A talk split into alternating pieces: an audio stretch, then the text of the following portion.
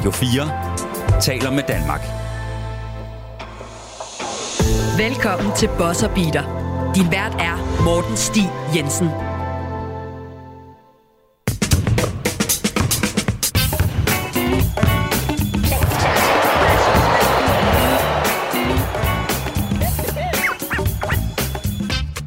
Hej og rigtig hjertelig velkommen til Boss Beater. Mit navn det er Morten Stig Jensen, og i dag der skal vi jo snakke om, at vi er kommet halvvejs i grundspillet af NBA-sæsonen. Og derfor, kære lytter, så har jeg jo lyst til på en eller anden måde at give det her program over til jer, for jeg vil gerne høre jeres reaktioner og jeres spørgsmål og alt andet, og I har været for træffelige i at sende øh, spørgsmål og kommentarer ind. Og jeg skal jo selvfølgelig svare på alt det, men det skal jeg ikke gøre alene, og derfor har jeg inviteret Magnus Stup fra Discovery Sports med ind. Magnus, velkommen til. Mange tak. Jeg øh, tænker, at vi skal, vi skal snart i gang, men, men jeg vil gerne høre din mening først og fremmest, inden vi lige går i gang med alle spørgsmålene. Nu er vi halvvejs i grundspillet. Er der en eller to ting, som der lige sidder frisk i, i din hukommelse lige nu, som du tænker har været fascinerende, spændende, noget du lige vil, vil øh, fremhæve? Så skulle det være, at East forløber stort set, som vi havde forventet, og Vest gør det modsatte. Ja. Hvilket jo egentlig er omvendt af, hvad vi har været vant til for 10-15 år siden, hvor East var LeBron Show, og Vest var mange gode hold. Det er stadig mange gode hold i Vest, men nu kan vi ikke forudse, hvor det går hen af. Nej. Selvom jeg vil sige, jeg havde nok forventet mere af Toronto. Hvis jeg, altså, det, dem, dem, havde jeg, dem, var, dem var jeg bange for. Lige meget hvem jeg sådan ligesom ville have været af et Eastern Conference hold. Hvis jeg skulle op imod Toronto, så havde jeg faktisk været bange på grund af al den længde, de havde, og de ser ud til at implodere fuldstændig. Så den, lige den, der havde jeg nok ikke forventet, at de ville være så langt nede i stillingen. Skal vi ikke satse på, at det udligner sig med Toronto og Pacers langsomt bytter trajectory, og så vi har, at Pacers de lige så stille glider ud. Måske bliver de inde i play-in. Jeg tror mere, vi skal ud i noget andet bytteri, for at de skal blive bedre, i hvert fald Toronto. Jeg tror, det er trade deadline, der skal diktere noget for dem. Hvad tror du? Jeg tror Gary Trent først og fremmest, men det vil ikke undre mig, hvis Pascal Siakam han faktisk er fair game, fordi at det, øh, det lyder jo til, at ham og general manager, eller faktisk team president Masai Ujiri, de angiveligt så hader de hinanden. Sådan fuldstændig. Er det så også slut for Nick Nurse, hvis Siakam ryger? Altså, jeg kan faktisk godt lide hans, øh, altså, hans strategier.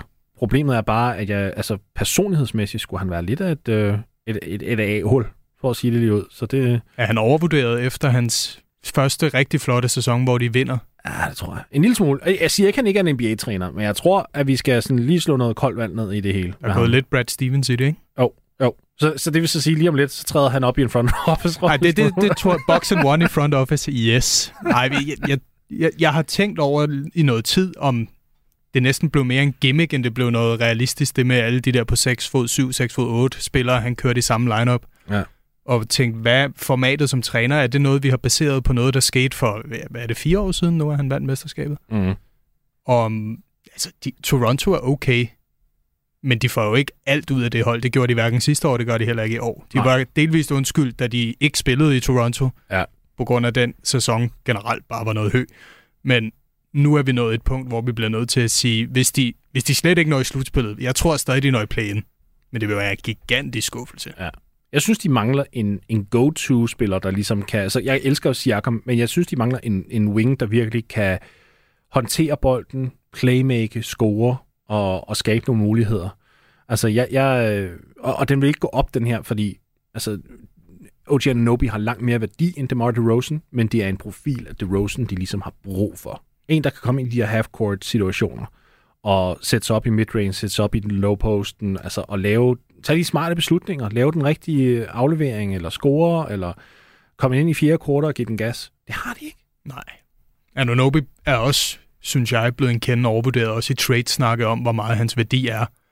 Men han er jo aldrig blevet det, Toronto håbede på, og de håbede, at han skulle tage det næste skridt til, at han også kunne ballhandle lidt. Men han er jo, han er jo blevet det, han altid har været. En fin forsvarsspiller og en free and D guy.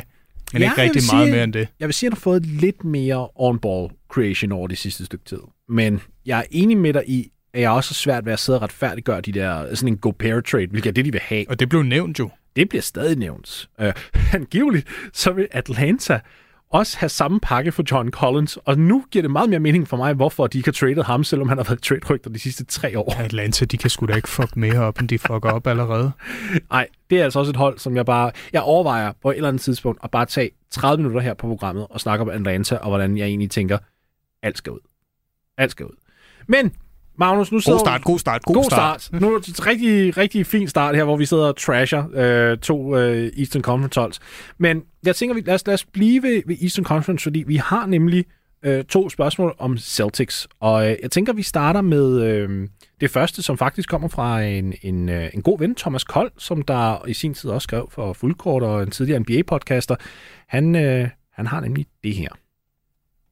Hej, Bosse Peterstuen. Jeg hedder Thomas, og jeg er glødende Boston-fan. Og jeg vil gerne smide Derek White i, øh, øh, hvad hedder det, øh, i Defensive Player of the Year-kategorien øh, for i år. Han, de her statistikker er godt nok i 10 dage gamle, men han ligger nummer to på, øh, på statistikkerne over flest blokerede skud for guards. Det er kun Shea Gildius Alexander, der ligger højere end ham. Det, han har altså 30 blocks i den her sæson. Samtidig ligger han nummer 3 overordnet set i den her øh, plus-minus kategori for alle spillere i ligaen. Det er kun Jason Tatum og Nikola Jokic, der ligger højere end ham øh, i den her kategori. For øh, 10 dage siden, da de spillede mod Clippers, havde han også et, øh, ikke game-winning block, men et block på Paul George i, øh, i de sidste afgørende øh, sekunder af kampen. Øh, Derek White blev sådan lidt, øh, var lidt hadet, da de kom til ham, fordi de måtte give meget op for ham i, i Boston øh, i, i handlen med San Antonio. Øh, Øh, men det taler sit tydelige sprog, når man sidste år havde Marcus Smart i, i, som defensive player of the year, og Derek White har altså endnu bedre statistikker end ham i år. Øh, blandt andet har tilladet Celtics også 6,3 øh, mindre point per 100 possessions, øh, og det er altså nummer et på holdet. Øh, så Derek Whites defensive presence på det her Boston Celtics hold stadig måske lidt overskygget af Marcus Smart og Rob Williams i de store kategorier, men han er altså en fremragende forsvarsspiller. Tak for et godt program. Uh, Thomas, jeg, jeg ved ikke, om du kommer til at synes, det fortsat er et godt program, når at... Uh... Absolut ikke. Det er slut. Okay, okay. Jeg vil gerne sige, Thomas, jeg er enig altså i, at, han, at, at Derek White er en fremragende forsvarsspiller. Det tror jeg også, du er enig i, Vi kan begge to godt lide Derek White. Ja, det kan vi. Og defensivt er han dygtig. Rigtig fint. Men jeg sidder og kigger på den der, altså på, på bare Boston-papiret, der har jeg tre spillere alene, som jeg vil have taget over Derek White defensivt kun. Altså, det er Rob Williams selvfølgelig, Marcus Smart selvfølgelig, og så faktisk også Jason Tatum, som er, er deroppe af nu.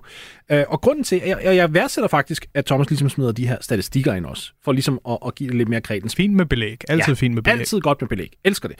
Problemet er bare det der med øh, plus minus, det, hvis den tages ud fra et enkelt individs perspektiv, det kan man desværre ikke bruge til så meget, fordi det er mere en, en holdindsats defensivt. Og det er det der med, at du kan være i nogle lineups, hvor den bliver lidt mere funky. Derek White har det problem, at han spiller rigtig godt forsvar på guardpladserne. Han bliver simpelthen overmusklet, altså overpowered af større forwards. Der vil jeg nok hellere pege på en OG Ananobi, som vi kom ind på tidligere, som en langt bedre altså defensiv perimeter player, når vi kigger på det. Han kan gå ned og dække 1 og 2 og 3, og han kan også svinge op på 4, når der er anden også en mulighed for, at han kan dække nogle små femmer. Så, så den, den, den der alsidige switchability, den har jeg ikke så meget med Derek White på større spillere, og der tror jeg altså, at han taber rigtig meget, fordi vi kigger på en liga nu, hvor at du skal, hvis du skal være i spil om at vinde Defensive Player of the Year, så skal du kunne dække fire positioner mindst. Marcus Smart, vi tager, lad os bare tage Marcus Smart. Alle tænker om oh, 6-3, 6-4 point guard. Hvad, hvor mange kan han dække? Manden har førhen dækket Paul Millsap i slutspillet. Før Paul Millsap blev dårligere, så skal jeg Du lige skal sige. ikke nævne Paul Millsap. Jeg Altså- altså, hader Paul Millsap. Men han spiller ikke lige en længere, men jeg siger bare, her havde vi en Marcus Smart i sin tid, der var markant yngre end da, der i slutspillet går ind og dækker en af de største bølleboldspillere, vi nogensinde har set. Altså, han er så alsidig. Du kan sagtens smide ham på, på store spillere. Han har jo faktisk også dækket Gobert over flere omgange. Ikke fordi jeg siger, at Gobert er en Altså, stor... han dækkede Adebayo Yep. flere gange Ja. i, øh, final, i Østfinalen sidste Ja. år, ikke? Så- Og slap afsted med det. Yep. Så, så det er den der switchability, der skader Derek White. Jeg har ham på ingen måde som defensive player of the year. Man skal også huske, og det er en gammel traver i NBA, men det er stadig lidt tilfældet. Hvis du skal vinde som guard defensive player of the year, så skal du stå ud som i, at du kan ikke undgå at se ham her defensivt. Ja. Og der har jeg ikke Der- øh, Derek White. Han er fin, Nej. Nej. men han blev også jagtet også i conference-finalerne sidste år, Ja. ja. og endte med ikke at kunne være på banen i flere perioder. Og samtidig med det, oven i hatten, så når han går op imod spillere, som der er, og dem er der jo en del af NBA, der bare er meget atletiske, der kan han altså ikke følge med dem. Lige så snart, at en spiller når at få det der first step på ham, så, så, så, så er han væk. Altså, så når han ikke at følge op. Og det er der ikke, det er der ikke noget galt i, fordi det er jo altså hammerne atletiske spillere, vi kigger på rundt omkring i ligaen. Det er fair nok. Men vi taler defensive player of the Men year. lige præcis, vi taler defensive player of the year. Kan, hvis, hvis, hvis jeg skulle strække min, øh, min kreativ, mit kreative sind, oh, nej. skulle vi så, skulle vi, ja, skulle vi så sige maksimalt second team all defense? Men selv der har jeg det ikke fedt med. Jeg har, jeg har ham ikke lige nu på stående fod som, som en, øh, en, en all defensive guy på, på nogle af holdene. Jeg synes bare, det er sjovt, at vi taler Boston og defensiv, når, det, når de har været så offensivt vanvittige i år. Ja, jeg synes, år, sidste ja. år var det defensiven, hvor man tænkte, hold da kæft, Rob Williams flyver rundt, og Ja. de vinder alle deres kampe, og de maser modstanderne defensivt. Ja. Det er jo ikke det, vi ser i år. Nej. Så altså, hvis du nævner Boston, har jeg svært ved at nævne dem i en defensiv kategori i år, hvor jeg synes, de skal profileres med en pris. Ja. Så, så, så hvad gør vi her? Hvad bliver vi enige i? Er vi, bliver vi enige om, at øh, i hvert fald du og jeg, Magnus, at Derek White, han ikke er øh, en defensive player of the year kandidat? Jeg giver en øl til alle, der lytter til det her, hvis han nogensinde vinder Defensive Player of the Year. Godt. Jamen, vi har omkring 2.000 lyttere lige nu, tror jeg. Jeg så giver- det, at- ja, Tror du, jeg taber det vedmål? jeg siger det bare. Men tror du, jeg taber det vedmål? Nej, det gør jeg ikke. Nej. Nej, det gør jeg ikke. Så, så, så er det bare, om de 2.000 lyttere giver dig en øl. Nej, det skal de ikke. Jeg Nej. drikker ikke øl. Så Nej. det, Jeg tænker også, ellers så skulle du have med med til udpumpning. ja, det skulle jeg nok, ja. Ja, men det vil være godt radio. Det vil være god radio, det vil det. Lad os prøve at hoppe videre til et andet Celtics-spørgsmål, øhm, som jeg også synes er, er spændende. Øh, Og, og det skal lige siges, inden vi går videre. Jeg, jeg, vil faktisk godt lige harpe lidt på den her pointe, som du øh, også kom med. Belæg er godt. Og jeg synes faktisk, at Thomas, han, han fortjener virkelig. Vi kan jo godt lide, at der bliver ja. skudt nogle lidt off-the-curb ting på Ja. os jo. Ja. Så han skal belønnes, og er belønnes for at nævne en tidligere spørgespiller, og en, der har dunket i hovedet på Paul Millsap i en playoff-kamp. Ja, det er rigtigt. Det, det skal han. Og det, og det er også derfor, at jeg, altså selvom jeg er drøn uenig, jeg elsker, når der er belæg for noget. Altid. Hej Morten og Boss Peter. Hvordan ser du Boston Celtics muligheder for at slå Milwaukee Bucks i en eventuel Eastern Conference Final? Er Bucks stærkere med Middleton?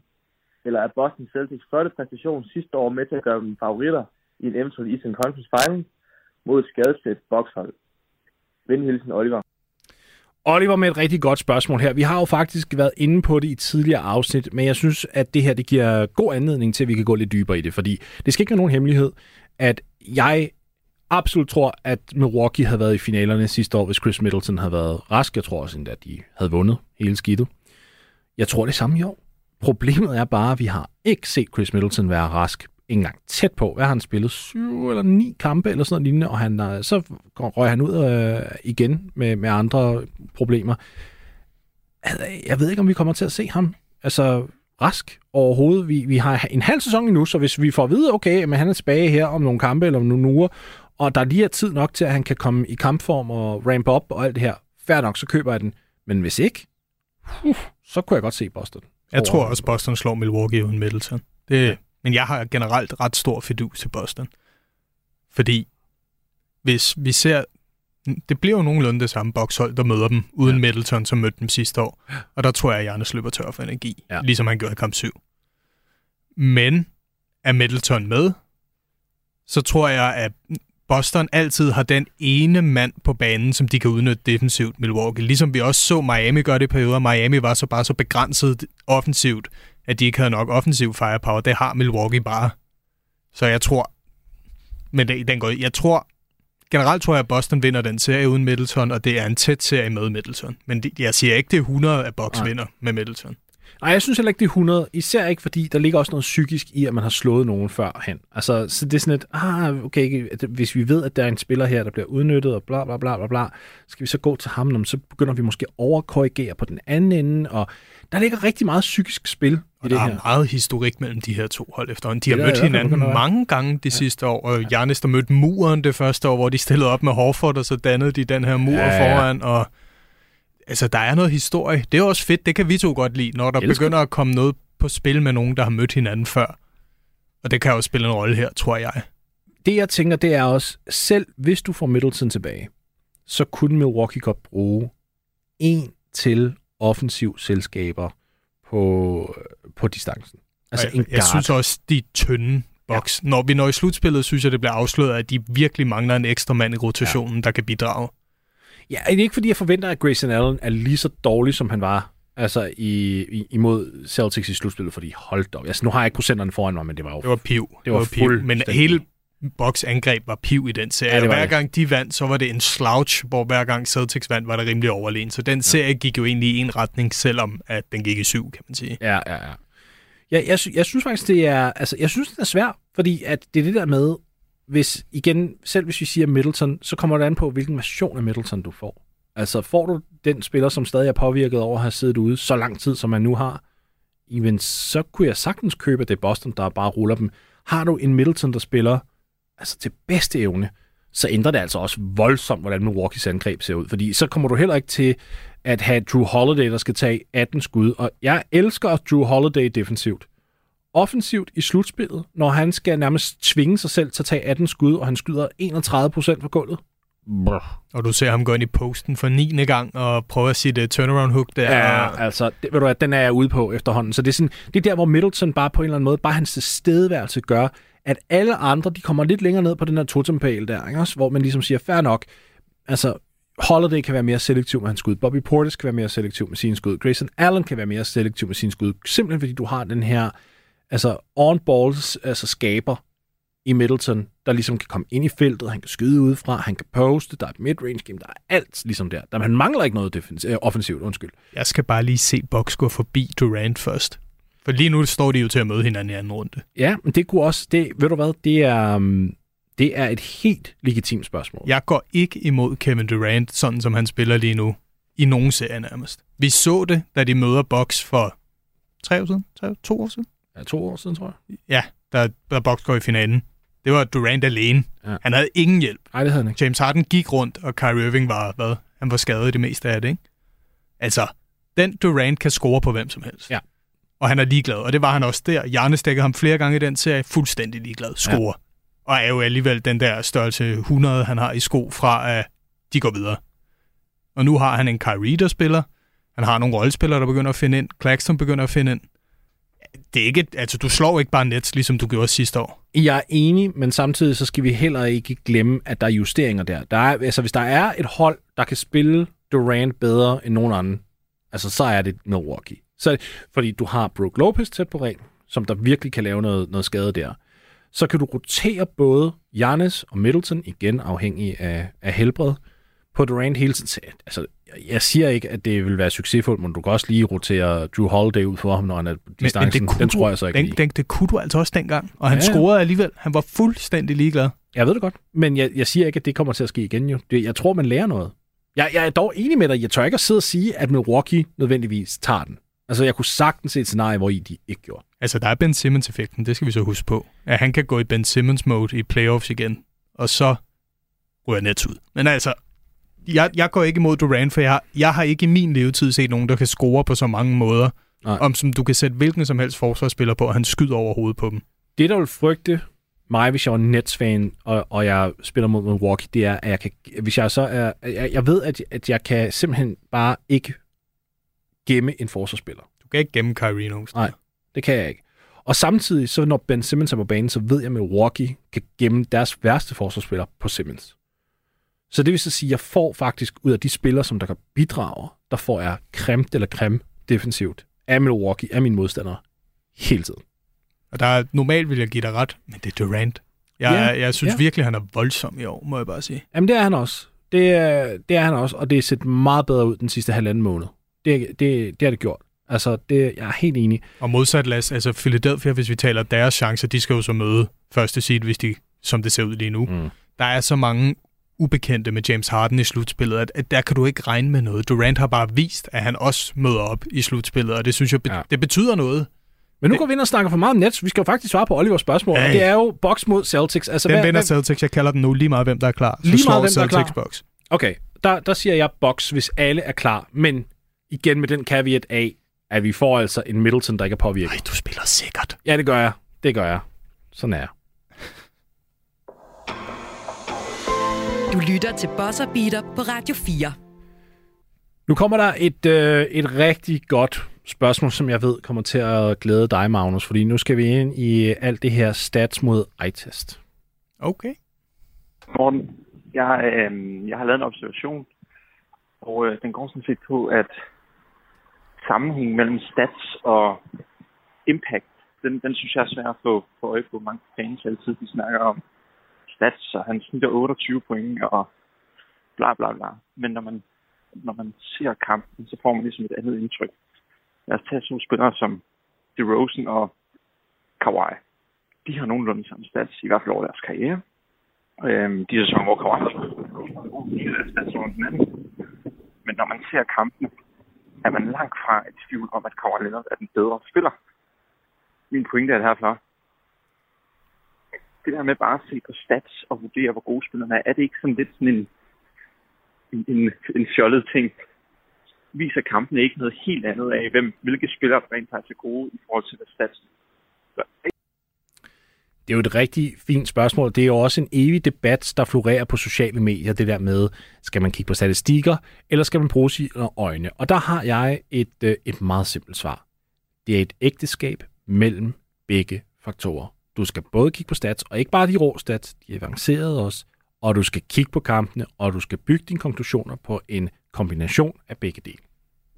Jeg vil sige, at eye-test fylder mere end statistikker, fordi statistikker kan snyde. Ja, det er jeg også enig med dig i. Det er jo derfor, man har brug for, for eye-test. Og så skal man heller ikke... Det, som jeg, det, som jeg, der hvor jeg tror, jeg har et problem engang med, med eye-test, hvis det kun er den, man bruger, det er, at man kan godt komme til at blive påvirket selv af sine egne altså tendenser til måske at sige, at jeg foretrækker, at spillet bliver spillet på den måde. Nå, men hvis den her gut, han gør på den, spiller på, på den måde, jeg godt kan lide, sådan rent æstetisk, nå, men så må han også være bedre end spiller X derovre, og det er ikke nødvendigvis rigtigt. Nej, nej, man kan også komme ud for eksempler med spillere, som du tænker, han fungerer pissegodt der, og så er det rotationen, der gør, at han ser god ud, og så Præcis. sætter du ham over på et andet hold, og så ser han ikke så god ud. Ja. Og det er jo det, i sidste ende, så, så jeg, synes, jeg synes, det er et dejligt spørgsmål, for det er sådan noget, vi burde egentlig, altså det kan vi godt tale mere om her på programmet egentlig, det der med, hvordan man egentlig vurderer en NBA spiller hvordan man ligesom går ind og siger, okay, spiller X mod spiller Y, hvad er vi ude i, hvordan kan vi se nogle forskelle, og Kawhi, øh, Rosen eksemplet er, er genialt. Jeg har tidligere brugt Kawhi og James Harden som eksempel, fordi hvis du kigger om 20 år på, de, på deres statistikker, og du ligesom har, du har ikke set dem spille særlig meget, fordi det er jo 20 år siden, så kigger du på James Harden, der har snittet 36 plus point og næsten 10 assist i Houston og alt det, og så tænker du, oh, altså, det the er real the deal. real deal. Og så kigger du på, øh, på, på Kawhi, sådan 23-24 point, og ikke de der 10 assist, eller 3 assist, 4 assist, 6 rebounds, okay. Så tænker du meget nemt, ah, det er James Harden, hvis du kigger på statistikkerne, ikke også? Men der, der har vi impacten. Ja, men der, der er jo ingen tvivl om, at der, der ved alle os lige nu til dags, der sidder og kigger på en okay, en rask Kawhi Leonard. Det har han jo ikke været hele sidste år, og, og her ja, i år det er han stadig også, ikke. Ja, det er stadig heller ikke. Så, så nu, nu skal vi lige tage højde for det, at jeg her snakker om en rask Kawhi Leonard. Der er ikke nogen med øjne i ansigtet, som der kan, der kan kigge på de to spillere og komme til konklusionen, at oh, James Harden er bedre. Og hvis man gør, undskyld, men så tager man fejl. Altså, fordi forsvar betyder også noget, og det handler også om, hvordan man påvirker selve spillet i de her lag, fordi hvis du er en, en, en first option eller en second option, så kan du både være bolddominerende, men du kan også spille lidt væk fra angrebet og angribe på din egen timing. Det er jo det, Kawhi gør. Harden, da han var i sin storhedstid i Houston, så var det jo på bolden hele tiden. Og det pumper jo bare altså, statistikkerne op. Men det er jo også umuligt. Det er også derfor, at den her Pantheon-øvelse, som alle eksperter laver med at rangere spillere, er umulig. For det kommer ja. an på omstændigheder, det kommer an på system, det kommer an på, hvad din rolle er i det gældende system. Og lige med de her to kan man sige, hvilken skole kommer de fra. Harden var bolddominerende fra start. Var mm. det fra bænken i Oklahoma, endte så med at have bolden hele tiden i Houston. Kawhi kom i et system, hvor du delte bolden, og tog det så med videre. Så du kan sige, det er også... Det er derfor, man også har svært ved at sige, hvem skal ligge hvor, når du rangerer. For hvordan sammenligner du Durant og Kobe? Hvordan sammenligner du alle mulige på ja. tværs af trænere, på tværs af systemer, på tværs af hold? Det kan man ikke rigtigt. Men det kan man ikke, og det, og det er jo det, som der gør den her diskussion så fandens fascinerende altid. Fordi altså, vi, vi har jo set det så mange gange med, at der er nogen, der begynder at lave spillerangeringer, og alle bliver sure, og det er bare noget, der sker. Og så bliver man nødt til at prøve at finde ud af, hvad, hvordan, hvor langt ned i dybden skal jeg gå, for at skabe den her separation mellem spiller A og spiller B. Okay, så går vi ned og kigger på avanceret stats først. Fint. Der, der er måske en lille fordel til spiller A. Og så begynder vi at bruge øjnene. Hov, han er måske meget bedre defensivt end spiller P, men det tæller der også lidt med ind. Ikke? Altså, det, det er utrolig svært. Så det er en, en, en følelsesproces, såvel som det er en evidensproces, altså, og en observationsproces. Jeg Det- synes, det man kan bruge det til, forholdet mellem de to, det er, det virker især godt, hvis man skal fremhæve spillere, som måske ikke får den rette kredit. Altså, vi kan godt blive enige om, at stats betyder nok også for meget i forhold til rangeringer, i forhold til koringer, i forhold til det meste i NBA. I hvert fald rå stats, ja. Altså, se bare på Six Man of the Year. Det har været en scoringskonkurrence i millioner Mhm. år. Men det, det er især godt til at fremhæve sådan nogle spillere, hvor det ikke kommer op på statsheetet, hvor gode de er. Og det er også de spillere, der ofte bliver negligeret, når vi taler all-time rankings og så videre. Det er derfor, en spiller som Tim Duncan aldrig får sin normale ros, fordi han ja. ikke havde de rå statistikker til at bakke det op. Hvor hans impact på spillet var så meget større, end hans statistikker afslørede. Du kan se, det er faktisk lidt det samme, der sker med Jokic. Hans statistikker er vilde, Fuldstændig. men han snitter jo ikke før. Nej. Og selv så kommer han ud af en kamp, og han skyder altid over 50 procent, men så ser du en kamp, hvor han scorer 17 point, har 17 rebounds, har 10 14 assist også. Ja, ja, og så tænker man, at ja, han har en triple-double, men han scorer kun 17, så han har jo ikke nogen impact. Men så ser du kampen, og det er Jokic, der laver afleveringer bag om ryggen og læser et triple-team, og Og du ser, at modstandernes forsvar er 100% gearet imod at stoppe ham. Og du kan, hvis du fortsætter med Jokic, han snitter jo heller ikke særlig meget. Altså, hans blok er, er han nede under et blok per kamp. Det er måske lige over. Men man, der tænker man også, okay, han er en dårlig forsvarsspiller. Han blokerer ingen skud, men han er en fin forsvarsspiller. Det er instincts, og det ser du også kun, hvis du ser kampen. Og det er rotationer, og det er, hvordan du kontester. Og det er faktisk, blocks er en af de der rigtig tricky stats, synes jeg. Fordi du kan sagtens have de her 3-3,5 blocks per kamp, hvis det er det, du virkelig, virkelig gerne vil have som big man, uden at du egentlig har en enorm defensiv indflydelse. Jeg læser DeAndre Jordan på tværs af hele dit ansigt Ja. lige nu. Ja, øhm, faktisk så tænkte jeg på Josh Smith, men jeg er enig med, med DJ også. Altså Josh Smith, det var, det var den gode gamle, altså, hvor han blev slået af driblen hele tiden. Han var bare så fandens atletisk, at han kunne nå at vende kroppen, og så have de der chase downs. Og, og de, de nåede altid på highlight reels, og det kom i top 10, og det kom på Sportscenter, og alt det der. Men hvad der ikke kom på Sportscenter, var de 100, bogstaveligt talt hundredvis af gange hver sæson, hvor han ikke lige nåede den blok.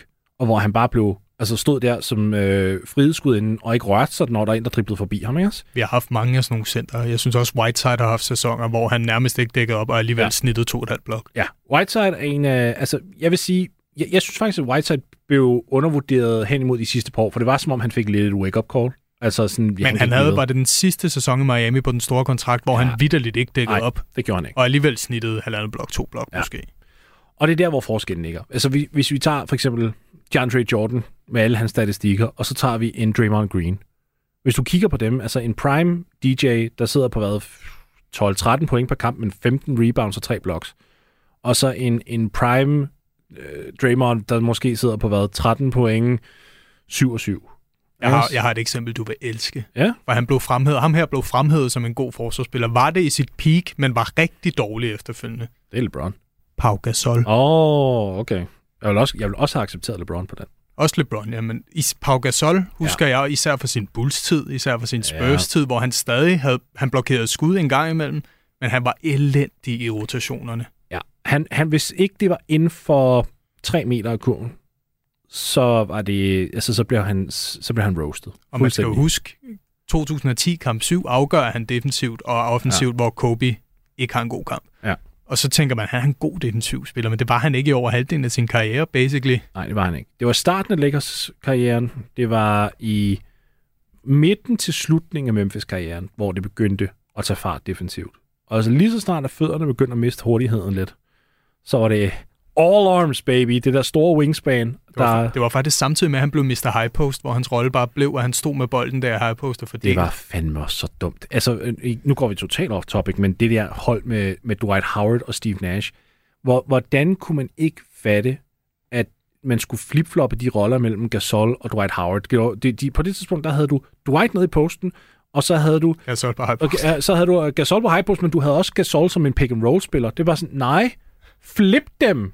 Dwight havde, skulle have været pick and roll spilleren, og Gasol skulle have været post up spilleren. Det var simpelthen det var den mest basic ting, og det skete bare ikke. Det var, LeBron er faktisk også et rigtig godt eksempel. han var fænomenal i Miami defensivt. Og så siden, faktisk siden, øh, Ja, Lakers, og så måske lige det sidste år i Cleveland, men, men Lakers-årene. Der, Defensivt. der har han været så sløj, faktisk. Og ja, det har været grumt. Det har været grumt. Vi, øh, vi skal videre til næste spørgsmål, som kommer fra Christoffer. Jamen tak for øh, invitationen til at byde ind igen, Morten, i Bosserbeater som øh, lytter og fast lytter. Det er altid dejligt. Øh, især med det emne her. Jeg tænker jo, at øh, hvis jeg lige først skal tage mine egne egoistiske øjne, så må jeg jo sige, som San Antonio Spursman, så ser det jo ganske fornuftigt ud i forsøget på at vinde Wemby. Så øh, det håber jeg selvfølgelig på, og jeg synes egentlig, vi gør det, som Spurs nogle gange gør bedst, når vi skal tænke. Øhm, og så vil jeg sige, at det jo er en usandsynlig spændende sæson set med det her MVP-barometer i mente. Der er godt nok øh, flere, der kan byde ind på den i år. Det synes jeg er tankevækkende.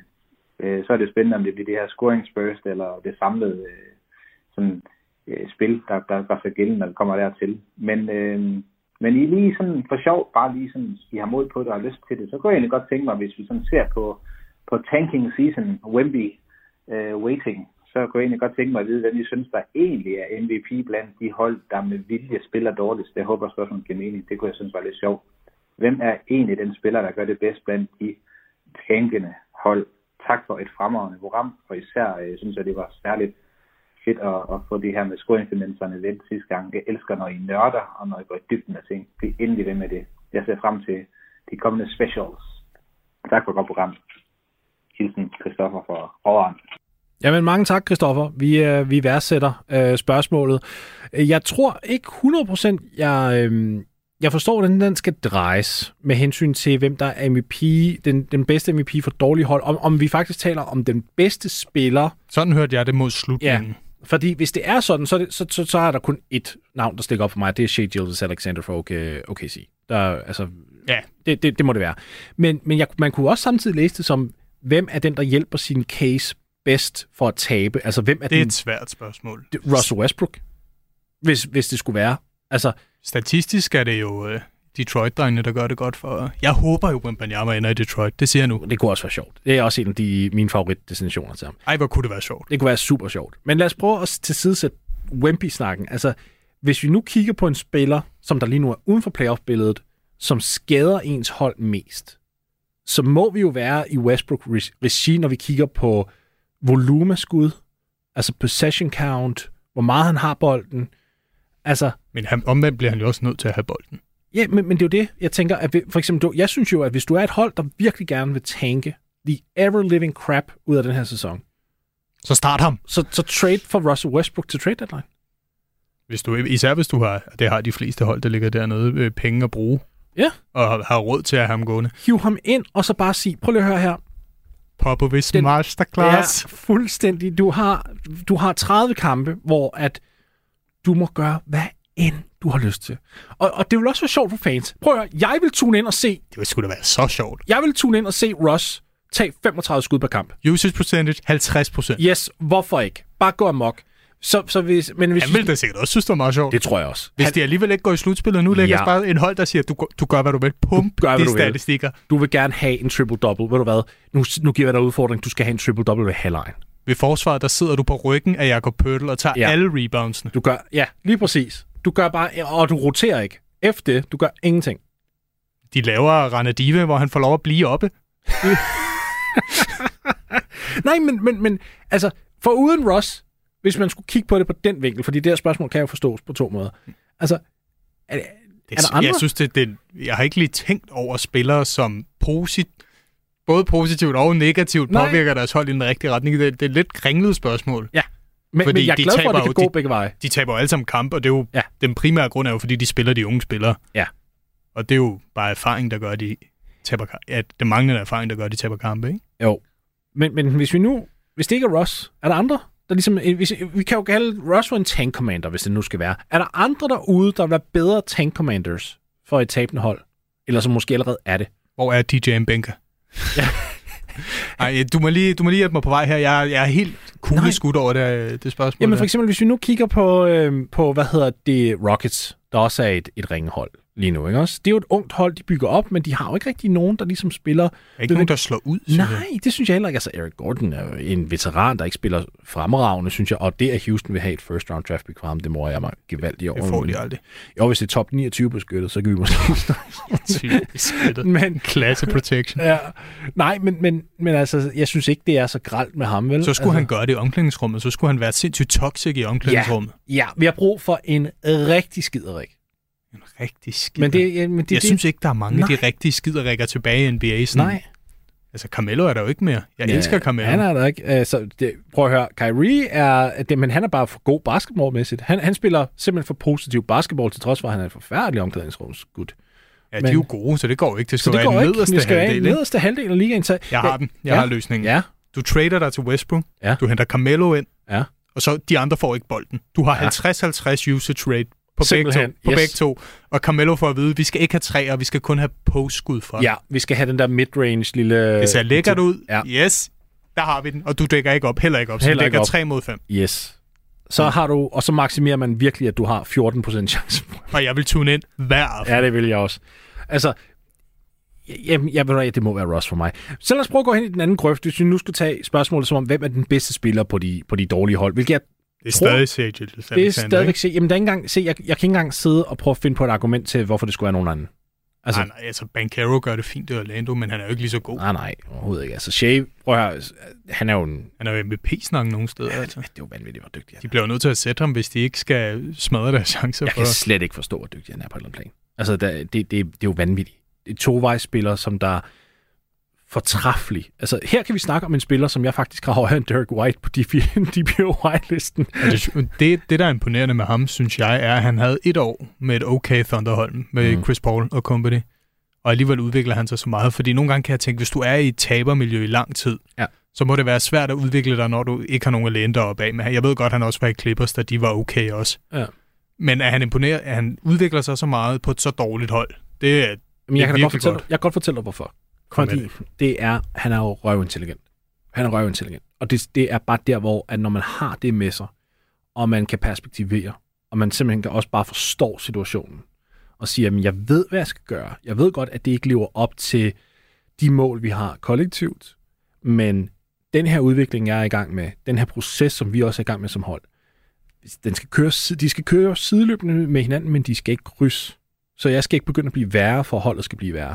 Jeg skal blive ved med at blive bedre, og så må det så diktere, hvad holdet gør samtidig. Men selv hvis du er det, så er det imponerende, når du ikke er er det. til hverken til træning, eller er noget bliver presset mod spillere, der enten har været gode og kan Mm. motivere dig til at blive bedre, eller spillere, der er gode nu. For det er jo et rædderligt hold for andre. Kunne du forestille dig, hvis han blev traded lige nu til et godt hold, hvor meget han lige pludselig bare vil eksplodere? Jeg tænker sådan, nu så vi jo Donovan Mitchell, hvordan han bare brød ud af sin skal, efter han kom væk fra Utah, hvor alt ligesom var begrænset omkring ham i form af spacing og alt muligt. Han kommer til et sted, der er meget mere altså, distanceorienteret. Han har en, der giver ham bolden, der er kompetente. Øh, så big man, det er ikke fordi, jeg siger, at Rudy Gobert ikke er kompetent, det er han selvfølgelig, men altså offensivt kompetente. Hvis, hvis du tager Shea, og du sætter ham på et, et playoff-hold lige nu, jamen han, han kommer over til at eksplodere. Altså hans rå-statistikker vil jo selvfølgelig falde apropos Jo, fløjtende diskussionen for Ja, lige ja. før, men jo, det vil da, jeg tror da også, han vil have noget unleashed energy, for at han endelig har noget at spille for. Ja, og, og de rå stats er jeg egentlig totalt ligeglad med. Det vil jeg sige med Donny dog, altså med Mitchell. De gik op. Det var sådan lidt sjovt, men det var så også bare på grund af, det var den mentalitet, han kom ind med. Må jeg lige komme med et hurtigt rant? Ja, jeg ved godt, Mitchell gør det fremragende i Cleveland, men Gobert har fået for meget røg for, hvorfor det jazzhold var dårligt. Mitchell dækkede ikke op i hvad, fire år for det jazzhold, og at hele systemet var bukket op på, at Gobert skulle redde alle de andre, der ikke kunne dække op, og det fandt man så ud af ikke virkede. Chok. Men, og, og nu får Gobert igen røg i Minnesota for et trade, som lyder som om, at front office sejler. Jeg synes, Gobert får for meget røg. Tilbage til historien. Okay, jeg er faktisk enig med dig omkring øh, forsvaret i Utah. Der synes jeg også, at det, det var en mærkelig ting, at man ligesom begyndte at pege på fingre af Gobert defensivt. Offensivt synes jeg, der var helt legitime problemer. Altså, han stod i feltet, og altså konstant, og hvis han prøvede at bevæge sig væk, så fulgte forsvarsspilleren ikke med, fordi der var ikke nogen grund til det. Og det er blokeret for alle deres driving lanes. er Men rigtigt. jeg er enig med dig, og øh, defensivt, ingen problemer med mig for, for Gobert. Jeg synes ikke, han får øh, for meget røg i, i Minnesota lige nu. Han spiller forfærdeligt. Altså, hvis historien er rigtig om, at de ikke hører Towns og Edwards ud på det trade, så synes jeg, at det front office, der er fejlet 100%. Nå, jo, jo. Det, Gobert kan jo ikke gøre for, at der bliver traded for ham. Nej, men han kan fandme godt øh, gøre for, at han spiller så elendigt, som det gør han Towns jo også. Ja, det gør han også. Men det hele er gået galt der. Men, men det, og Towns Kan du huske, også kan du huske jeg det. var her for 3-4 måneder siden, vi snakkede Minnesota, og jeg sagde, at der er en taberkultur omkring det franchise. Ja, men jeg tror, du har ret. Jeg tror aldrig, det bliver godt, det Nej. franchise. Og altså, nu skal der være nyt ejerskab og alt muligt, men det kræver virkelig sådan en top-to-bottom ændring. Du lytter til Bosser Beater på Radio 4. Vi har fået et øh, spørgsmål ind fra Kasper omkring Miami. Hej Morten, først og fremmest tak for et godt program. Øh, Jeg undrer mig over, hvad skal der til, før Miami kan begynde at have en chance for at komme ud af første runde, hvis de overhovedet når dertil i år? Er det en trade for den sædvanlige Harrison Barnes, eller er der andre spillere, du vil se passe ind rent struktur og lønmæssigt? Tak for et godt program. Hilsen Kasper. Ja, det lyder som Kasper. Det tror jeg. Jeg håber, det var Kasper, ellers må du lige ret på mig øh, på, på Twitter eller et andet sted. Hvad kan Miami egentlig gøre, Magnus? Altså, hvad, hvad kigger vi på her? Fordi det er jo, det er jo et hold, som, som også ikke er... De er ikke kommet fantastisk fra start. Altså, det, er jo, det har været en forholdsvis uimponerende første halvdel af, af grundspillet her. Bevares, Jimmy Butler har været skadet. Det har ikke hjulpet på tingene. Men når man kigger på, hvor tæt de var på finalerne sidste år, altså et trepunktsskud væk, også fra førnævnte Jimmy Butler, så er det jo ikke, fordi de ligner et hold, der, øh, der sætter ild til ligaen. Men igen, det kan jo godt ændre sig i slutspillet, hvor de lige pludselig tænder på den der knap, som øh, San Antonio i sin tid også skulle tænde for. Er det der, vi er? Jeg, jeg har opskriften på, hvordan Miami skal nå igennem første runde. Okay, hit me. De skal have Brooklyn Nets i første runde. Nå. Jeg tror, Miami kunne have opskriften til at frustrere egoerne hos Nets. Ja. På den måde, de spiller på, det er jo stadig et forbandet irriterende hold at spille Ja, det er mod det. Miami. Ja, det er det. Og i slutspillet, der ved vi, Butler skruer op, det gør han altid. Og de kan dække sig godt op. Og så t- jeg tror, at de kan komme ind under huden på Kyrie. Jeg tror, de kan komme ind under huden på Ben Simmons. Og jeg mm-hmm. tror Mhm. faktisk, det kan være et rigtig surt første runde møde. Jeg tror ikke, de kan komme ind under huden på Bucks. Jeg tror ikke, de kan komme ind under huden på Celtics. Så jeg tror måske, vi skal have fat i, at de skal møde Nets.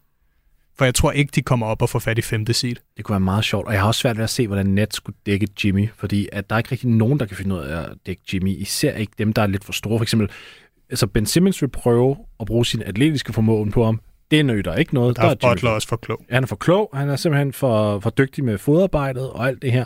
Så kan du prøve KD med længden, det er måske deres bedste bud, men hvis du så bruger KD til at skulle spille mod den bedste offensive spiller på det modsatte hold, så er det rigtig meget energi, du brænder på det.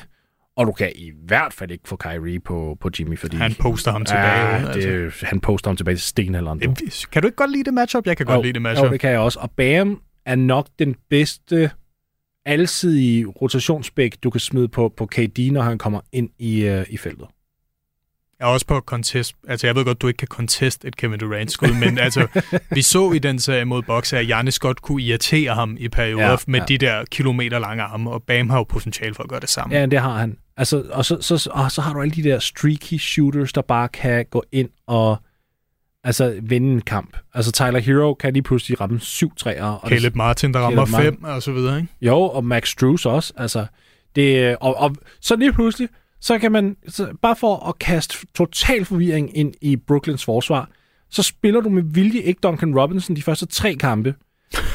og så smider du ham ind i kamp 4, og du siger, prøv at høre, ram fire træer inden for sådan 12 minutter. OK, splash, splash, splash, Det kunne han jo ikke splash. sidste år. Nej, jeg ved det godt, nu siger vi bare, at han kan. Ikke? Men altså, det, det kunne være sjovt. Det Også kunne fordi det er, jo ikke, det er jo ikke et urealistisk scenarie. Lad os sige, Miami fortsætter med, at- med at være lidt sløje. Mm. Mm. Play-in, syvende plads. Ja. Nets holder måske fast, eller måske en sjette plads. De ligner op, bytter med Knicks derop, og så Ja. lige for at hedde sig ind, og, og Nets, de ryger måske ned på tredjepladsen, Boxer op på andenpladsen. Jeg synes, det er ikke et umuligt matchup heller. Ej, det kunne være sjovt. For jeg tror ikke, Heat længere har det edge til at slå hverken Celtics ja. eller Bucks. Men er der, er der, hvis vi nu ser bort fra, hvordan de kan klare et, et Brooklyn-hold, er der en trade derude, der giver mening for, for Miami? Fordi der, hvor jeg løber ind i problemer, det er, at de faktisk ikke har særlig mange trade-aktiver, som de ligesom kan sende ud.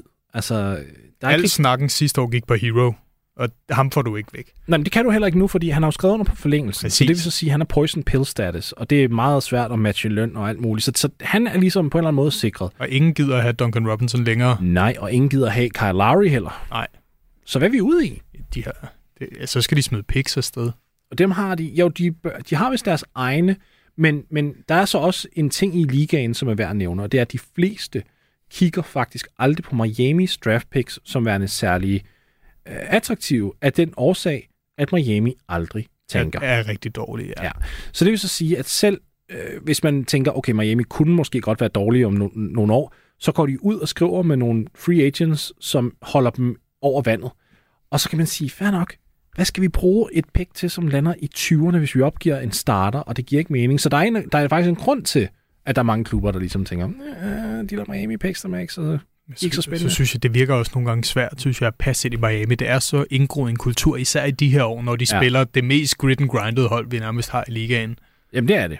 Og jeg er også ved, jeg er ved at blive en lille smule træt af hele det der heat culture. Ja, de skal lukke. Øh, med det der nu. Det er seriøst irriterende. Culture, og Haslem står og kaster Ja. med håndklædet, og de skal... Ved du hvad? Den irriterer mig faktisk også. Det der med, at de bliver ved med at bro- bruge et roster spot på, på Udonis Haslam. Jeg ved godt, der er mange, der siger, at det er et roster spot, og det er kultur, og det er historie. Jeg er så ligeglad. Jeg er så ligeglad. Nu, nu rander jeg. Fordi du har ingen idé om, hvem du kan finde. Den, altså, vi er i guldalderen af basketball. Fuldstændig. Du kan sagtens gå ud og skrive med en eller anden til din 15. plads. Vi ser Miami selv, altså de finder jo en Duncan Robinson, de finder en Max Struz, de finder jo de her spillere. Jurtseven og så videre. Jurtseven også. Altså, de finder dem. Så hvorfor, når du har en, en, en stab, der er så dygtig til at identificere de her udslæbende diamanter, går du ind og beholder en 42-årig Udonis Haslem, som der kommer ind på banen en gang imellem og kan knap nok finde ud af at binde sin snørbånd. Hvordan, hvordan, hvordan giver det mening? Altså, det, det er lidt den samme som fyren i Fantasy, der drafter Michael Jordan, fordi det er haha sjovt, fordi han har spillet en gang. Ikke? Det er jo fuldstændig ligegyldigt. Fuldstændig. Jeg er helt enig. Det, det giver absolut ingen mening. Og som vi også snakkede om før, der er talentfulde spillere, der ikke har kontrakt nogen steder. Fordi ligaen er så Ja. talentfuld. Altså, Altså- hvis, hvis Miami havde brug for en instant score fra bænken, hej Carmelo, vil, Ja, du, vil ja. du ind og prøve at spille 8 minutter, og prøve at se, om du kan ramme to træer? Nu er han en tidligere Heat-spiller, og det kommer nok ikke til at fungere, fordi der er noget dårligt blod der, men altså, en Hassan Whiteside sidder ude på markedet endnu. Du kan ikke fortælle mig, til trods hans svagheder, at han er værre end Udonis Haslem. Nej, nej, og det kan så være, at du nåede et punkt, hvor, uh, lad os sige, Bam har fire fejl på en beat, hvis de møder 76ers i en serie. Hvem smider du så på ham? Jurteven, han kan ikke følge med. Nej, han har, han har heller ikke spillet i år Han indtil videre. spillet i Nej, år, hvilket altså, jeg, jeg ikke forstår. For Nej, der har, været nogle, der har været noget skadeværk også, øh, men så var det lige pludselig noget med, at det ikke var så slemt alligevel. Ja, ja, den helt, den, Det, det forstår jeg ikke. Jamen, Han var så den- god, da de kørte det der, den der mærkelige rotation sidste år, hvor han spillede, og Caleb Martin spillede plus 30 minutter og så videre. Ja. Hvor de vandt kampe jo. Ja. Men, men der er så mange af de her muligheder derude. Og så, så bruger du bare et roster spot på Udonis Haslem. Altså, Kasper, jeg ved godt, det ikke var det, du nødvendigvis spurgte om, men der, der vil jeg bare lige sige, altså, der ligger noget der, som, som jeg nok vil brokke mig lidt over med Miami. Jeg synes bare, det er spild. Og så kan det godt være, at det er for at holde fast i noget legacy, og fans, som synes, det er Det sjovt. kunne han jo godt være som assistant coach. Ja, ja, det kunne han da. Altså, du kan, du kan ikke overbevise mig. Jeg ved godt, der er mange, der sidder og siger, at det er ikke det samme, så han tager jo sine sko på, ligesom alle de andre. Ved du hvad? Det gør han også som assistant coach. Det er bare nogle pænere sko. Altså, Stop. Gør man det også, fordi... Uh, Så står der Gucci i stedet for Nike. Hvad er problemet? jeg, jeg, jeg ved ikke, om det også er hans ego. Altså, det er vel egoistisk i bund og grund, at han stadig bliver ved med at optage den roster. Jamen, og der er også der er flere penge i det. Du, det en minimum, den, de, den minimumskontrakt, han skriver under på hvert år, den er omkring tre gange, måske endda fire gange så høj, som hvad han ville tjene som assistant coach. Så føler han, at han har betydet så meget for Miami, at det fortjener han den roster spot, eller hvad? Ja, nej. Det er jo han, egoistisk, så spiller man jo for navnet bag på trøjen, i stedet for foran. han har været så fantastisk med de der 3-4 baseline jump shots, han ramte i hver kamp. Altså, Spillede han i finalerne, altså. Men prøv at høre, det der, det, hele det der med, at han har været en fin rollespiller, jeg har ikke tænkt mig at tage det væk fra ham, men det var også bare det, han var. Jeg synes, der begynder at komme sådan lidt nykker over omkring alt det her, sådan lidt som om, åh, oh, Udonis Haslem var en kæmpe stjerne for os. Stop. Forestil dig, at Thunder havde Nick Collison siddende som 14. Ja. Mand lige nu, bare fordi han var en, øh, et, et, sådan en totempæl Ja. skiftet fra Seattle til Oklahoma, og Durants bedste ven. Og... Sendte de ikke hans jersey på pension? Jo, Nick det gjorde, den er hængt op. Det er lige så pinligt. Det er lige så dumt. Rest in peace, power forwards. Ja. så, så øh, med hensyn til, hvad Miami kan gøre, jeg, jeg synes, det er meget svært at, at finde noget. De har jo ingen De har ikke assets, nogen- assets Nej. overhovedet. Vi skal til øh, sidste spørgsmål, som der kommer fra Ip. Jeg hedder Ib Johansen fra Horsens. Jeg kunne godt tænke mig at vide, hvorfor Chicago Bulls spillede mod Cleveland to gange lige efter hinanden, og de har spillet tre ud af fire kampe mod Boston på under halvanden måned. Og nu er der jo snart trade. Måske kan det ene eller andet hold blive dårligere eller bedre. Det er bare en lille pointe. Har du en forklaring på det? Tak for et godt program, og det var Horsens.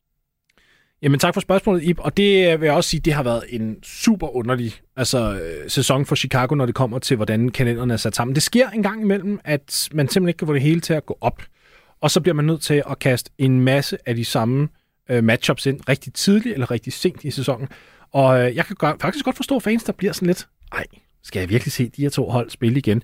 Der, for mange år siden, så havde man også en eller anden situation. Jeg, jeg, det kan godt være, at jeg tager fejl af holdene her. Jeg mener, at det var Charlotte, eller på det tid, altså Bobcats i sin tid, og Detroit, der havde sådan tre kampe inden for halvanden uge, eller et eller andet fuldstændig absurd, hvor man sad sådan og tænkte, what, hvad fanden sker der her? Ofte er der omstændigheder bag det. Ikke? Ja. Så, altså, for eksempel Spurs har den der Rodeo Drive, de spiller hvert år. Så, bliver man, ja. så spiller de otte udkampe i træk, eller 10 udkampe i træk, whatever. Så bliver de. Ja. jo nødt til nogle gange at lave programmet på en måde, hvor det ikke ender ud med, at det bliver roteret helt perfekt på den perfekte måde. Så er der nogle gange noget stadionrenovering og så videre, der også kan spille ind.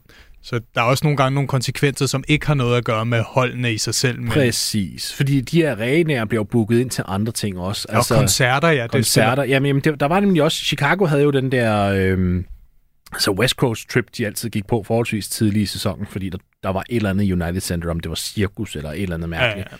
Og, og i New York i sin tid, så var det jo Ice Capades, eller Disney on Ice, eller et eller andet Ja, ja. Sådan, til, til Madison Square Garden. Så det er noget med, at det skal både gå op med hvilke nogle, nogle planer, der er lagt i stadion, og så skal ligaen, så det er faktisk et kæmpe råd. Der er en grund til, at at øh, den schedule altid bliver, bliver frigivet sådan i starten af august, for de bruger vidderligt hele sommeren på at sidde og rode det her ud, og de skal snakke med 30 klubber, og de skal have deres schedules ind, og man skal finde ud af, vi skal også undgå en back-to-back, og vi skal prøve at minimere det her, og altså, jeg, jeg, vil, jeg vil faktisk sige, til trods for, at vi har set Chicago spille mod de samme hold flere gange, end, end man måske som fan lyster, jeg misunder altså ikke dem, der sidder i ligakontoret, som skal sidde og samle de her schedules. Det er jo det evige issue, når du spiller 82 kampe. Altså, Ja.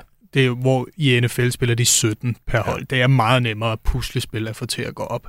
Og, og, altså, prøv at regne på mulighederne, hvis du siger, altså 30 hold, og så du skal 32 hold, og du så skal fordele, ikke? Jo, jo.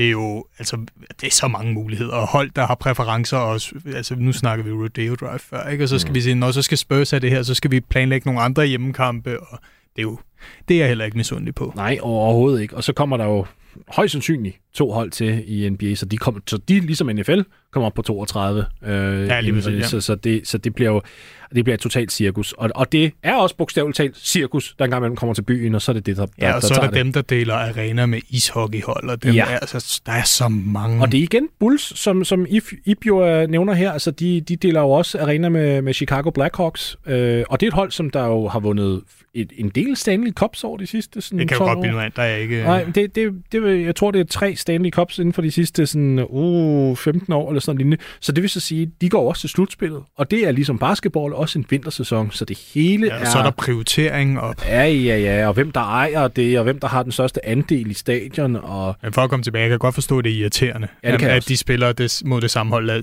tre gange, for eksempel inden for ja. halvanden uge, men man må også bare se det som et puslespil, der ikke kan gå op nogle gange, og så er det den bedste løsning muligt. Lige præcis. Og, og det, jeg vil samtidig også sige, man glemmer det meget hurtigt, hvis det er en god kamp alligevel. Altså nogle gange kan man godt sidde og tænke, ej, skal jeg se de her to hold for, for tredje gang inden for, for to uger. Men hvis det er en fantastisk kamp, ved du hvad, så er det glemt lige bagefter. Jeg tænker, det er værst for dem, der er inkarneret og ser alle 82 kampe for et hold. Også to, der ser ligaen mere generelt, og ikke er altså, inkarnerede fans af nogen. Ja. Vi kan måske mere se over med det, så ser vi ikke kamp 2 eller kamp 3 af Detroit, Orlando, whatever. Det kunne jeg godt finde på, hvis den første kamp havde været genial. Og så er det en branding-strategi nu, at man spiller Nej, tre kampe. men, men jeg kunne, ja, det, ja, det er jo næsten lige før, men altså, hvis, hvis, man nu, hvis den første af sådan en matchups bare har været, hvor man tænker, okay, den er super spændende, der er en hel masse cross-matchups, der er spændende at tracke og sidde og følge, og, og kampen så også udspiller sig på den måde, ved du hvad, så, har, så er min røv i sædet til kamp nummer to, der kommer tre dage efter. Jeg tænkte faktisk lidt, var det ikke Hawks og Bucks, der mødte hinanden to gange i Abu Dhabi? Øh, jo, det mener jeg. Altså, der tænkte jeg også, hvem fanden er det, der tænker, okay, jeg har Men det var preseason. Det var, ja, men alligevel, Ja, ja, der ja, tænkte ja. jeg også, hvis de skal sælge billetter, og der er nogen, der måske endda kunne overveje, at jeg skal ind og se to kampe. Det er endelig kommet til, Ja. ja. til mit land. Man gider sgu da ikke se det samme to gange. Og så lad os sige, du missede billetter til den første, hvor var det Deontay Murray, der spillede den første, han spillede ikke i den anden. Der var i hvert fald mange spillere, der spillede den ene og ikke i den anden, og så du bliver snydt, så tænker man også bare, åh, åh, ja.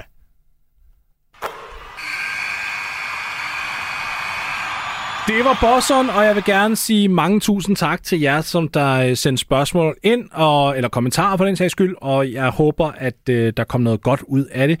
Og Magnus Stub, mange tusind tak, fordi du vil være med i øh, programmet og separere alt det her for os. Selvfølgelig. Du lytter til Bosser Beater på Radio 4.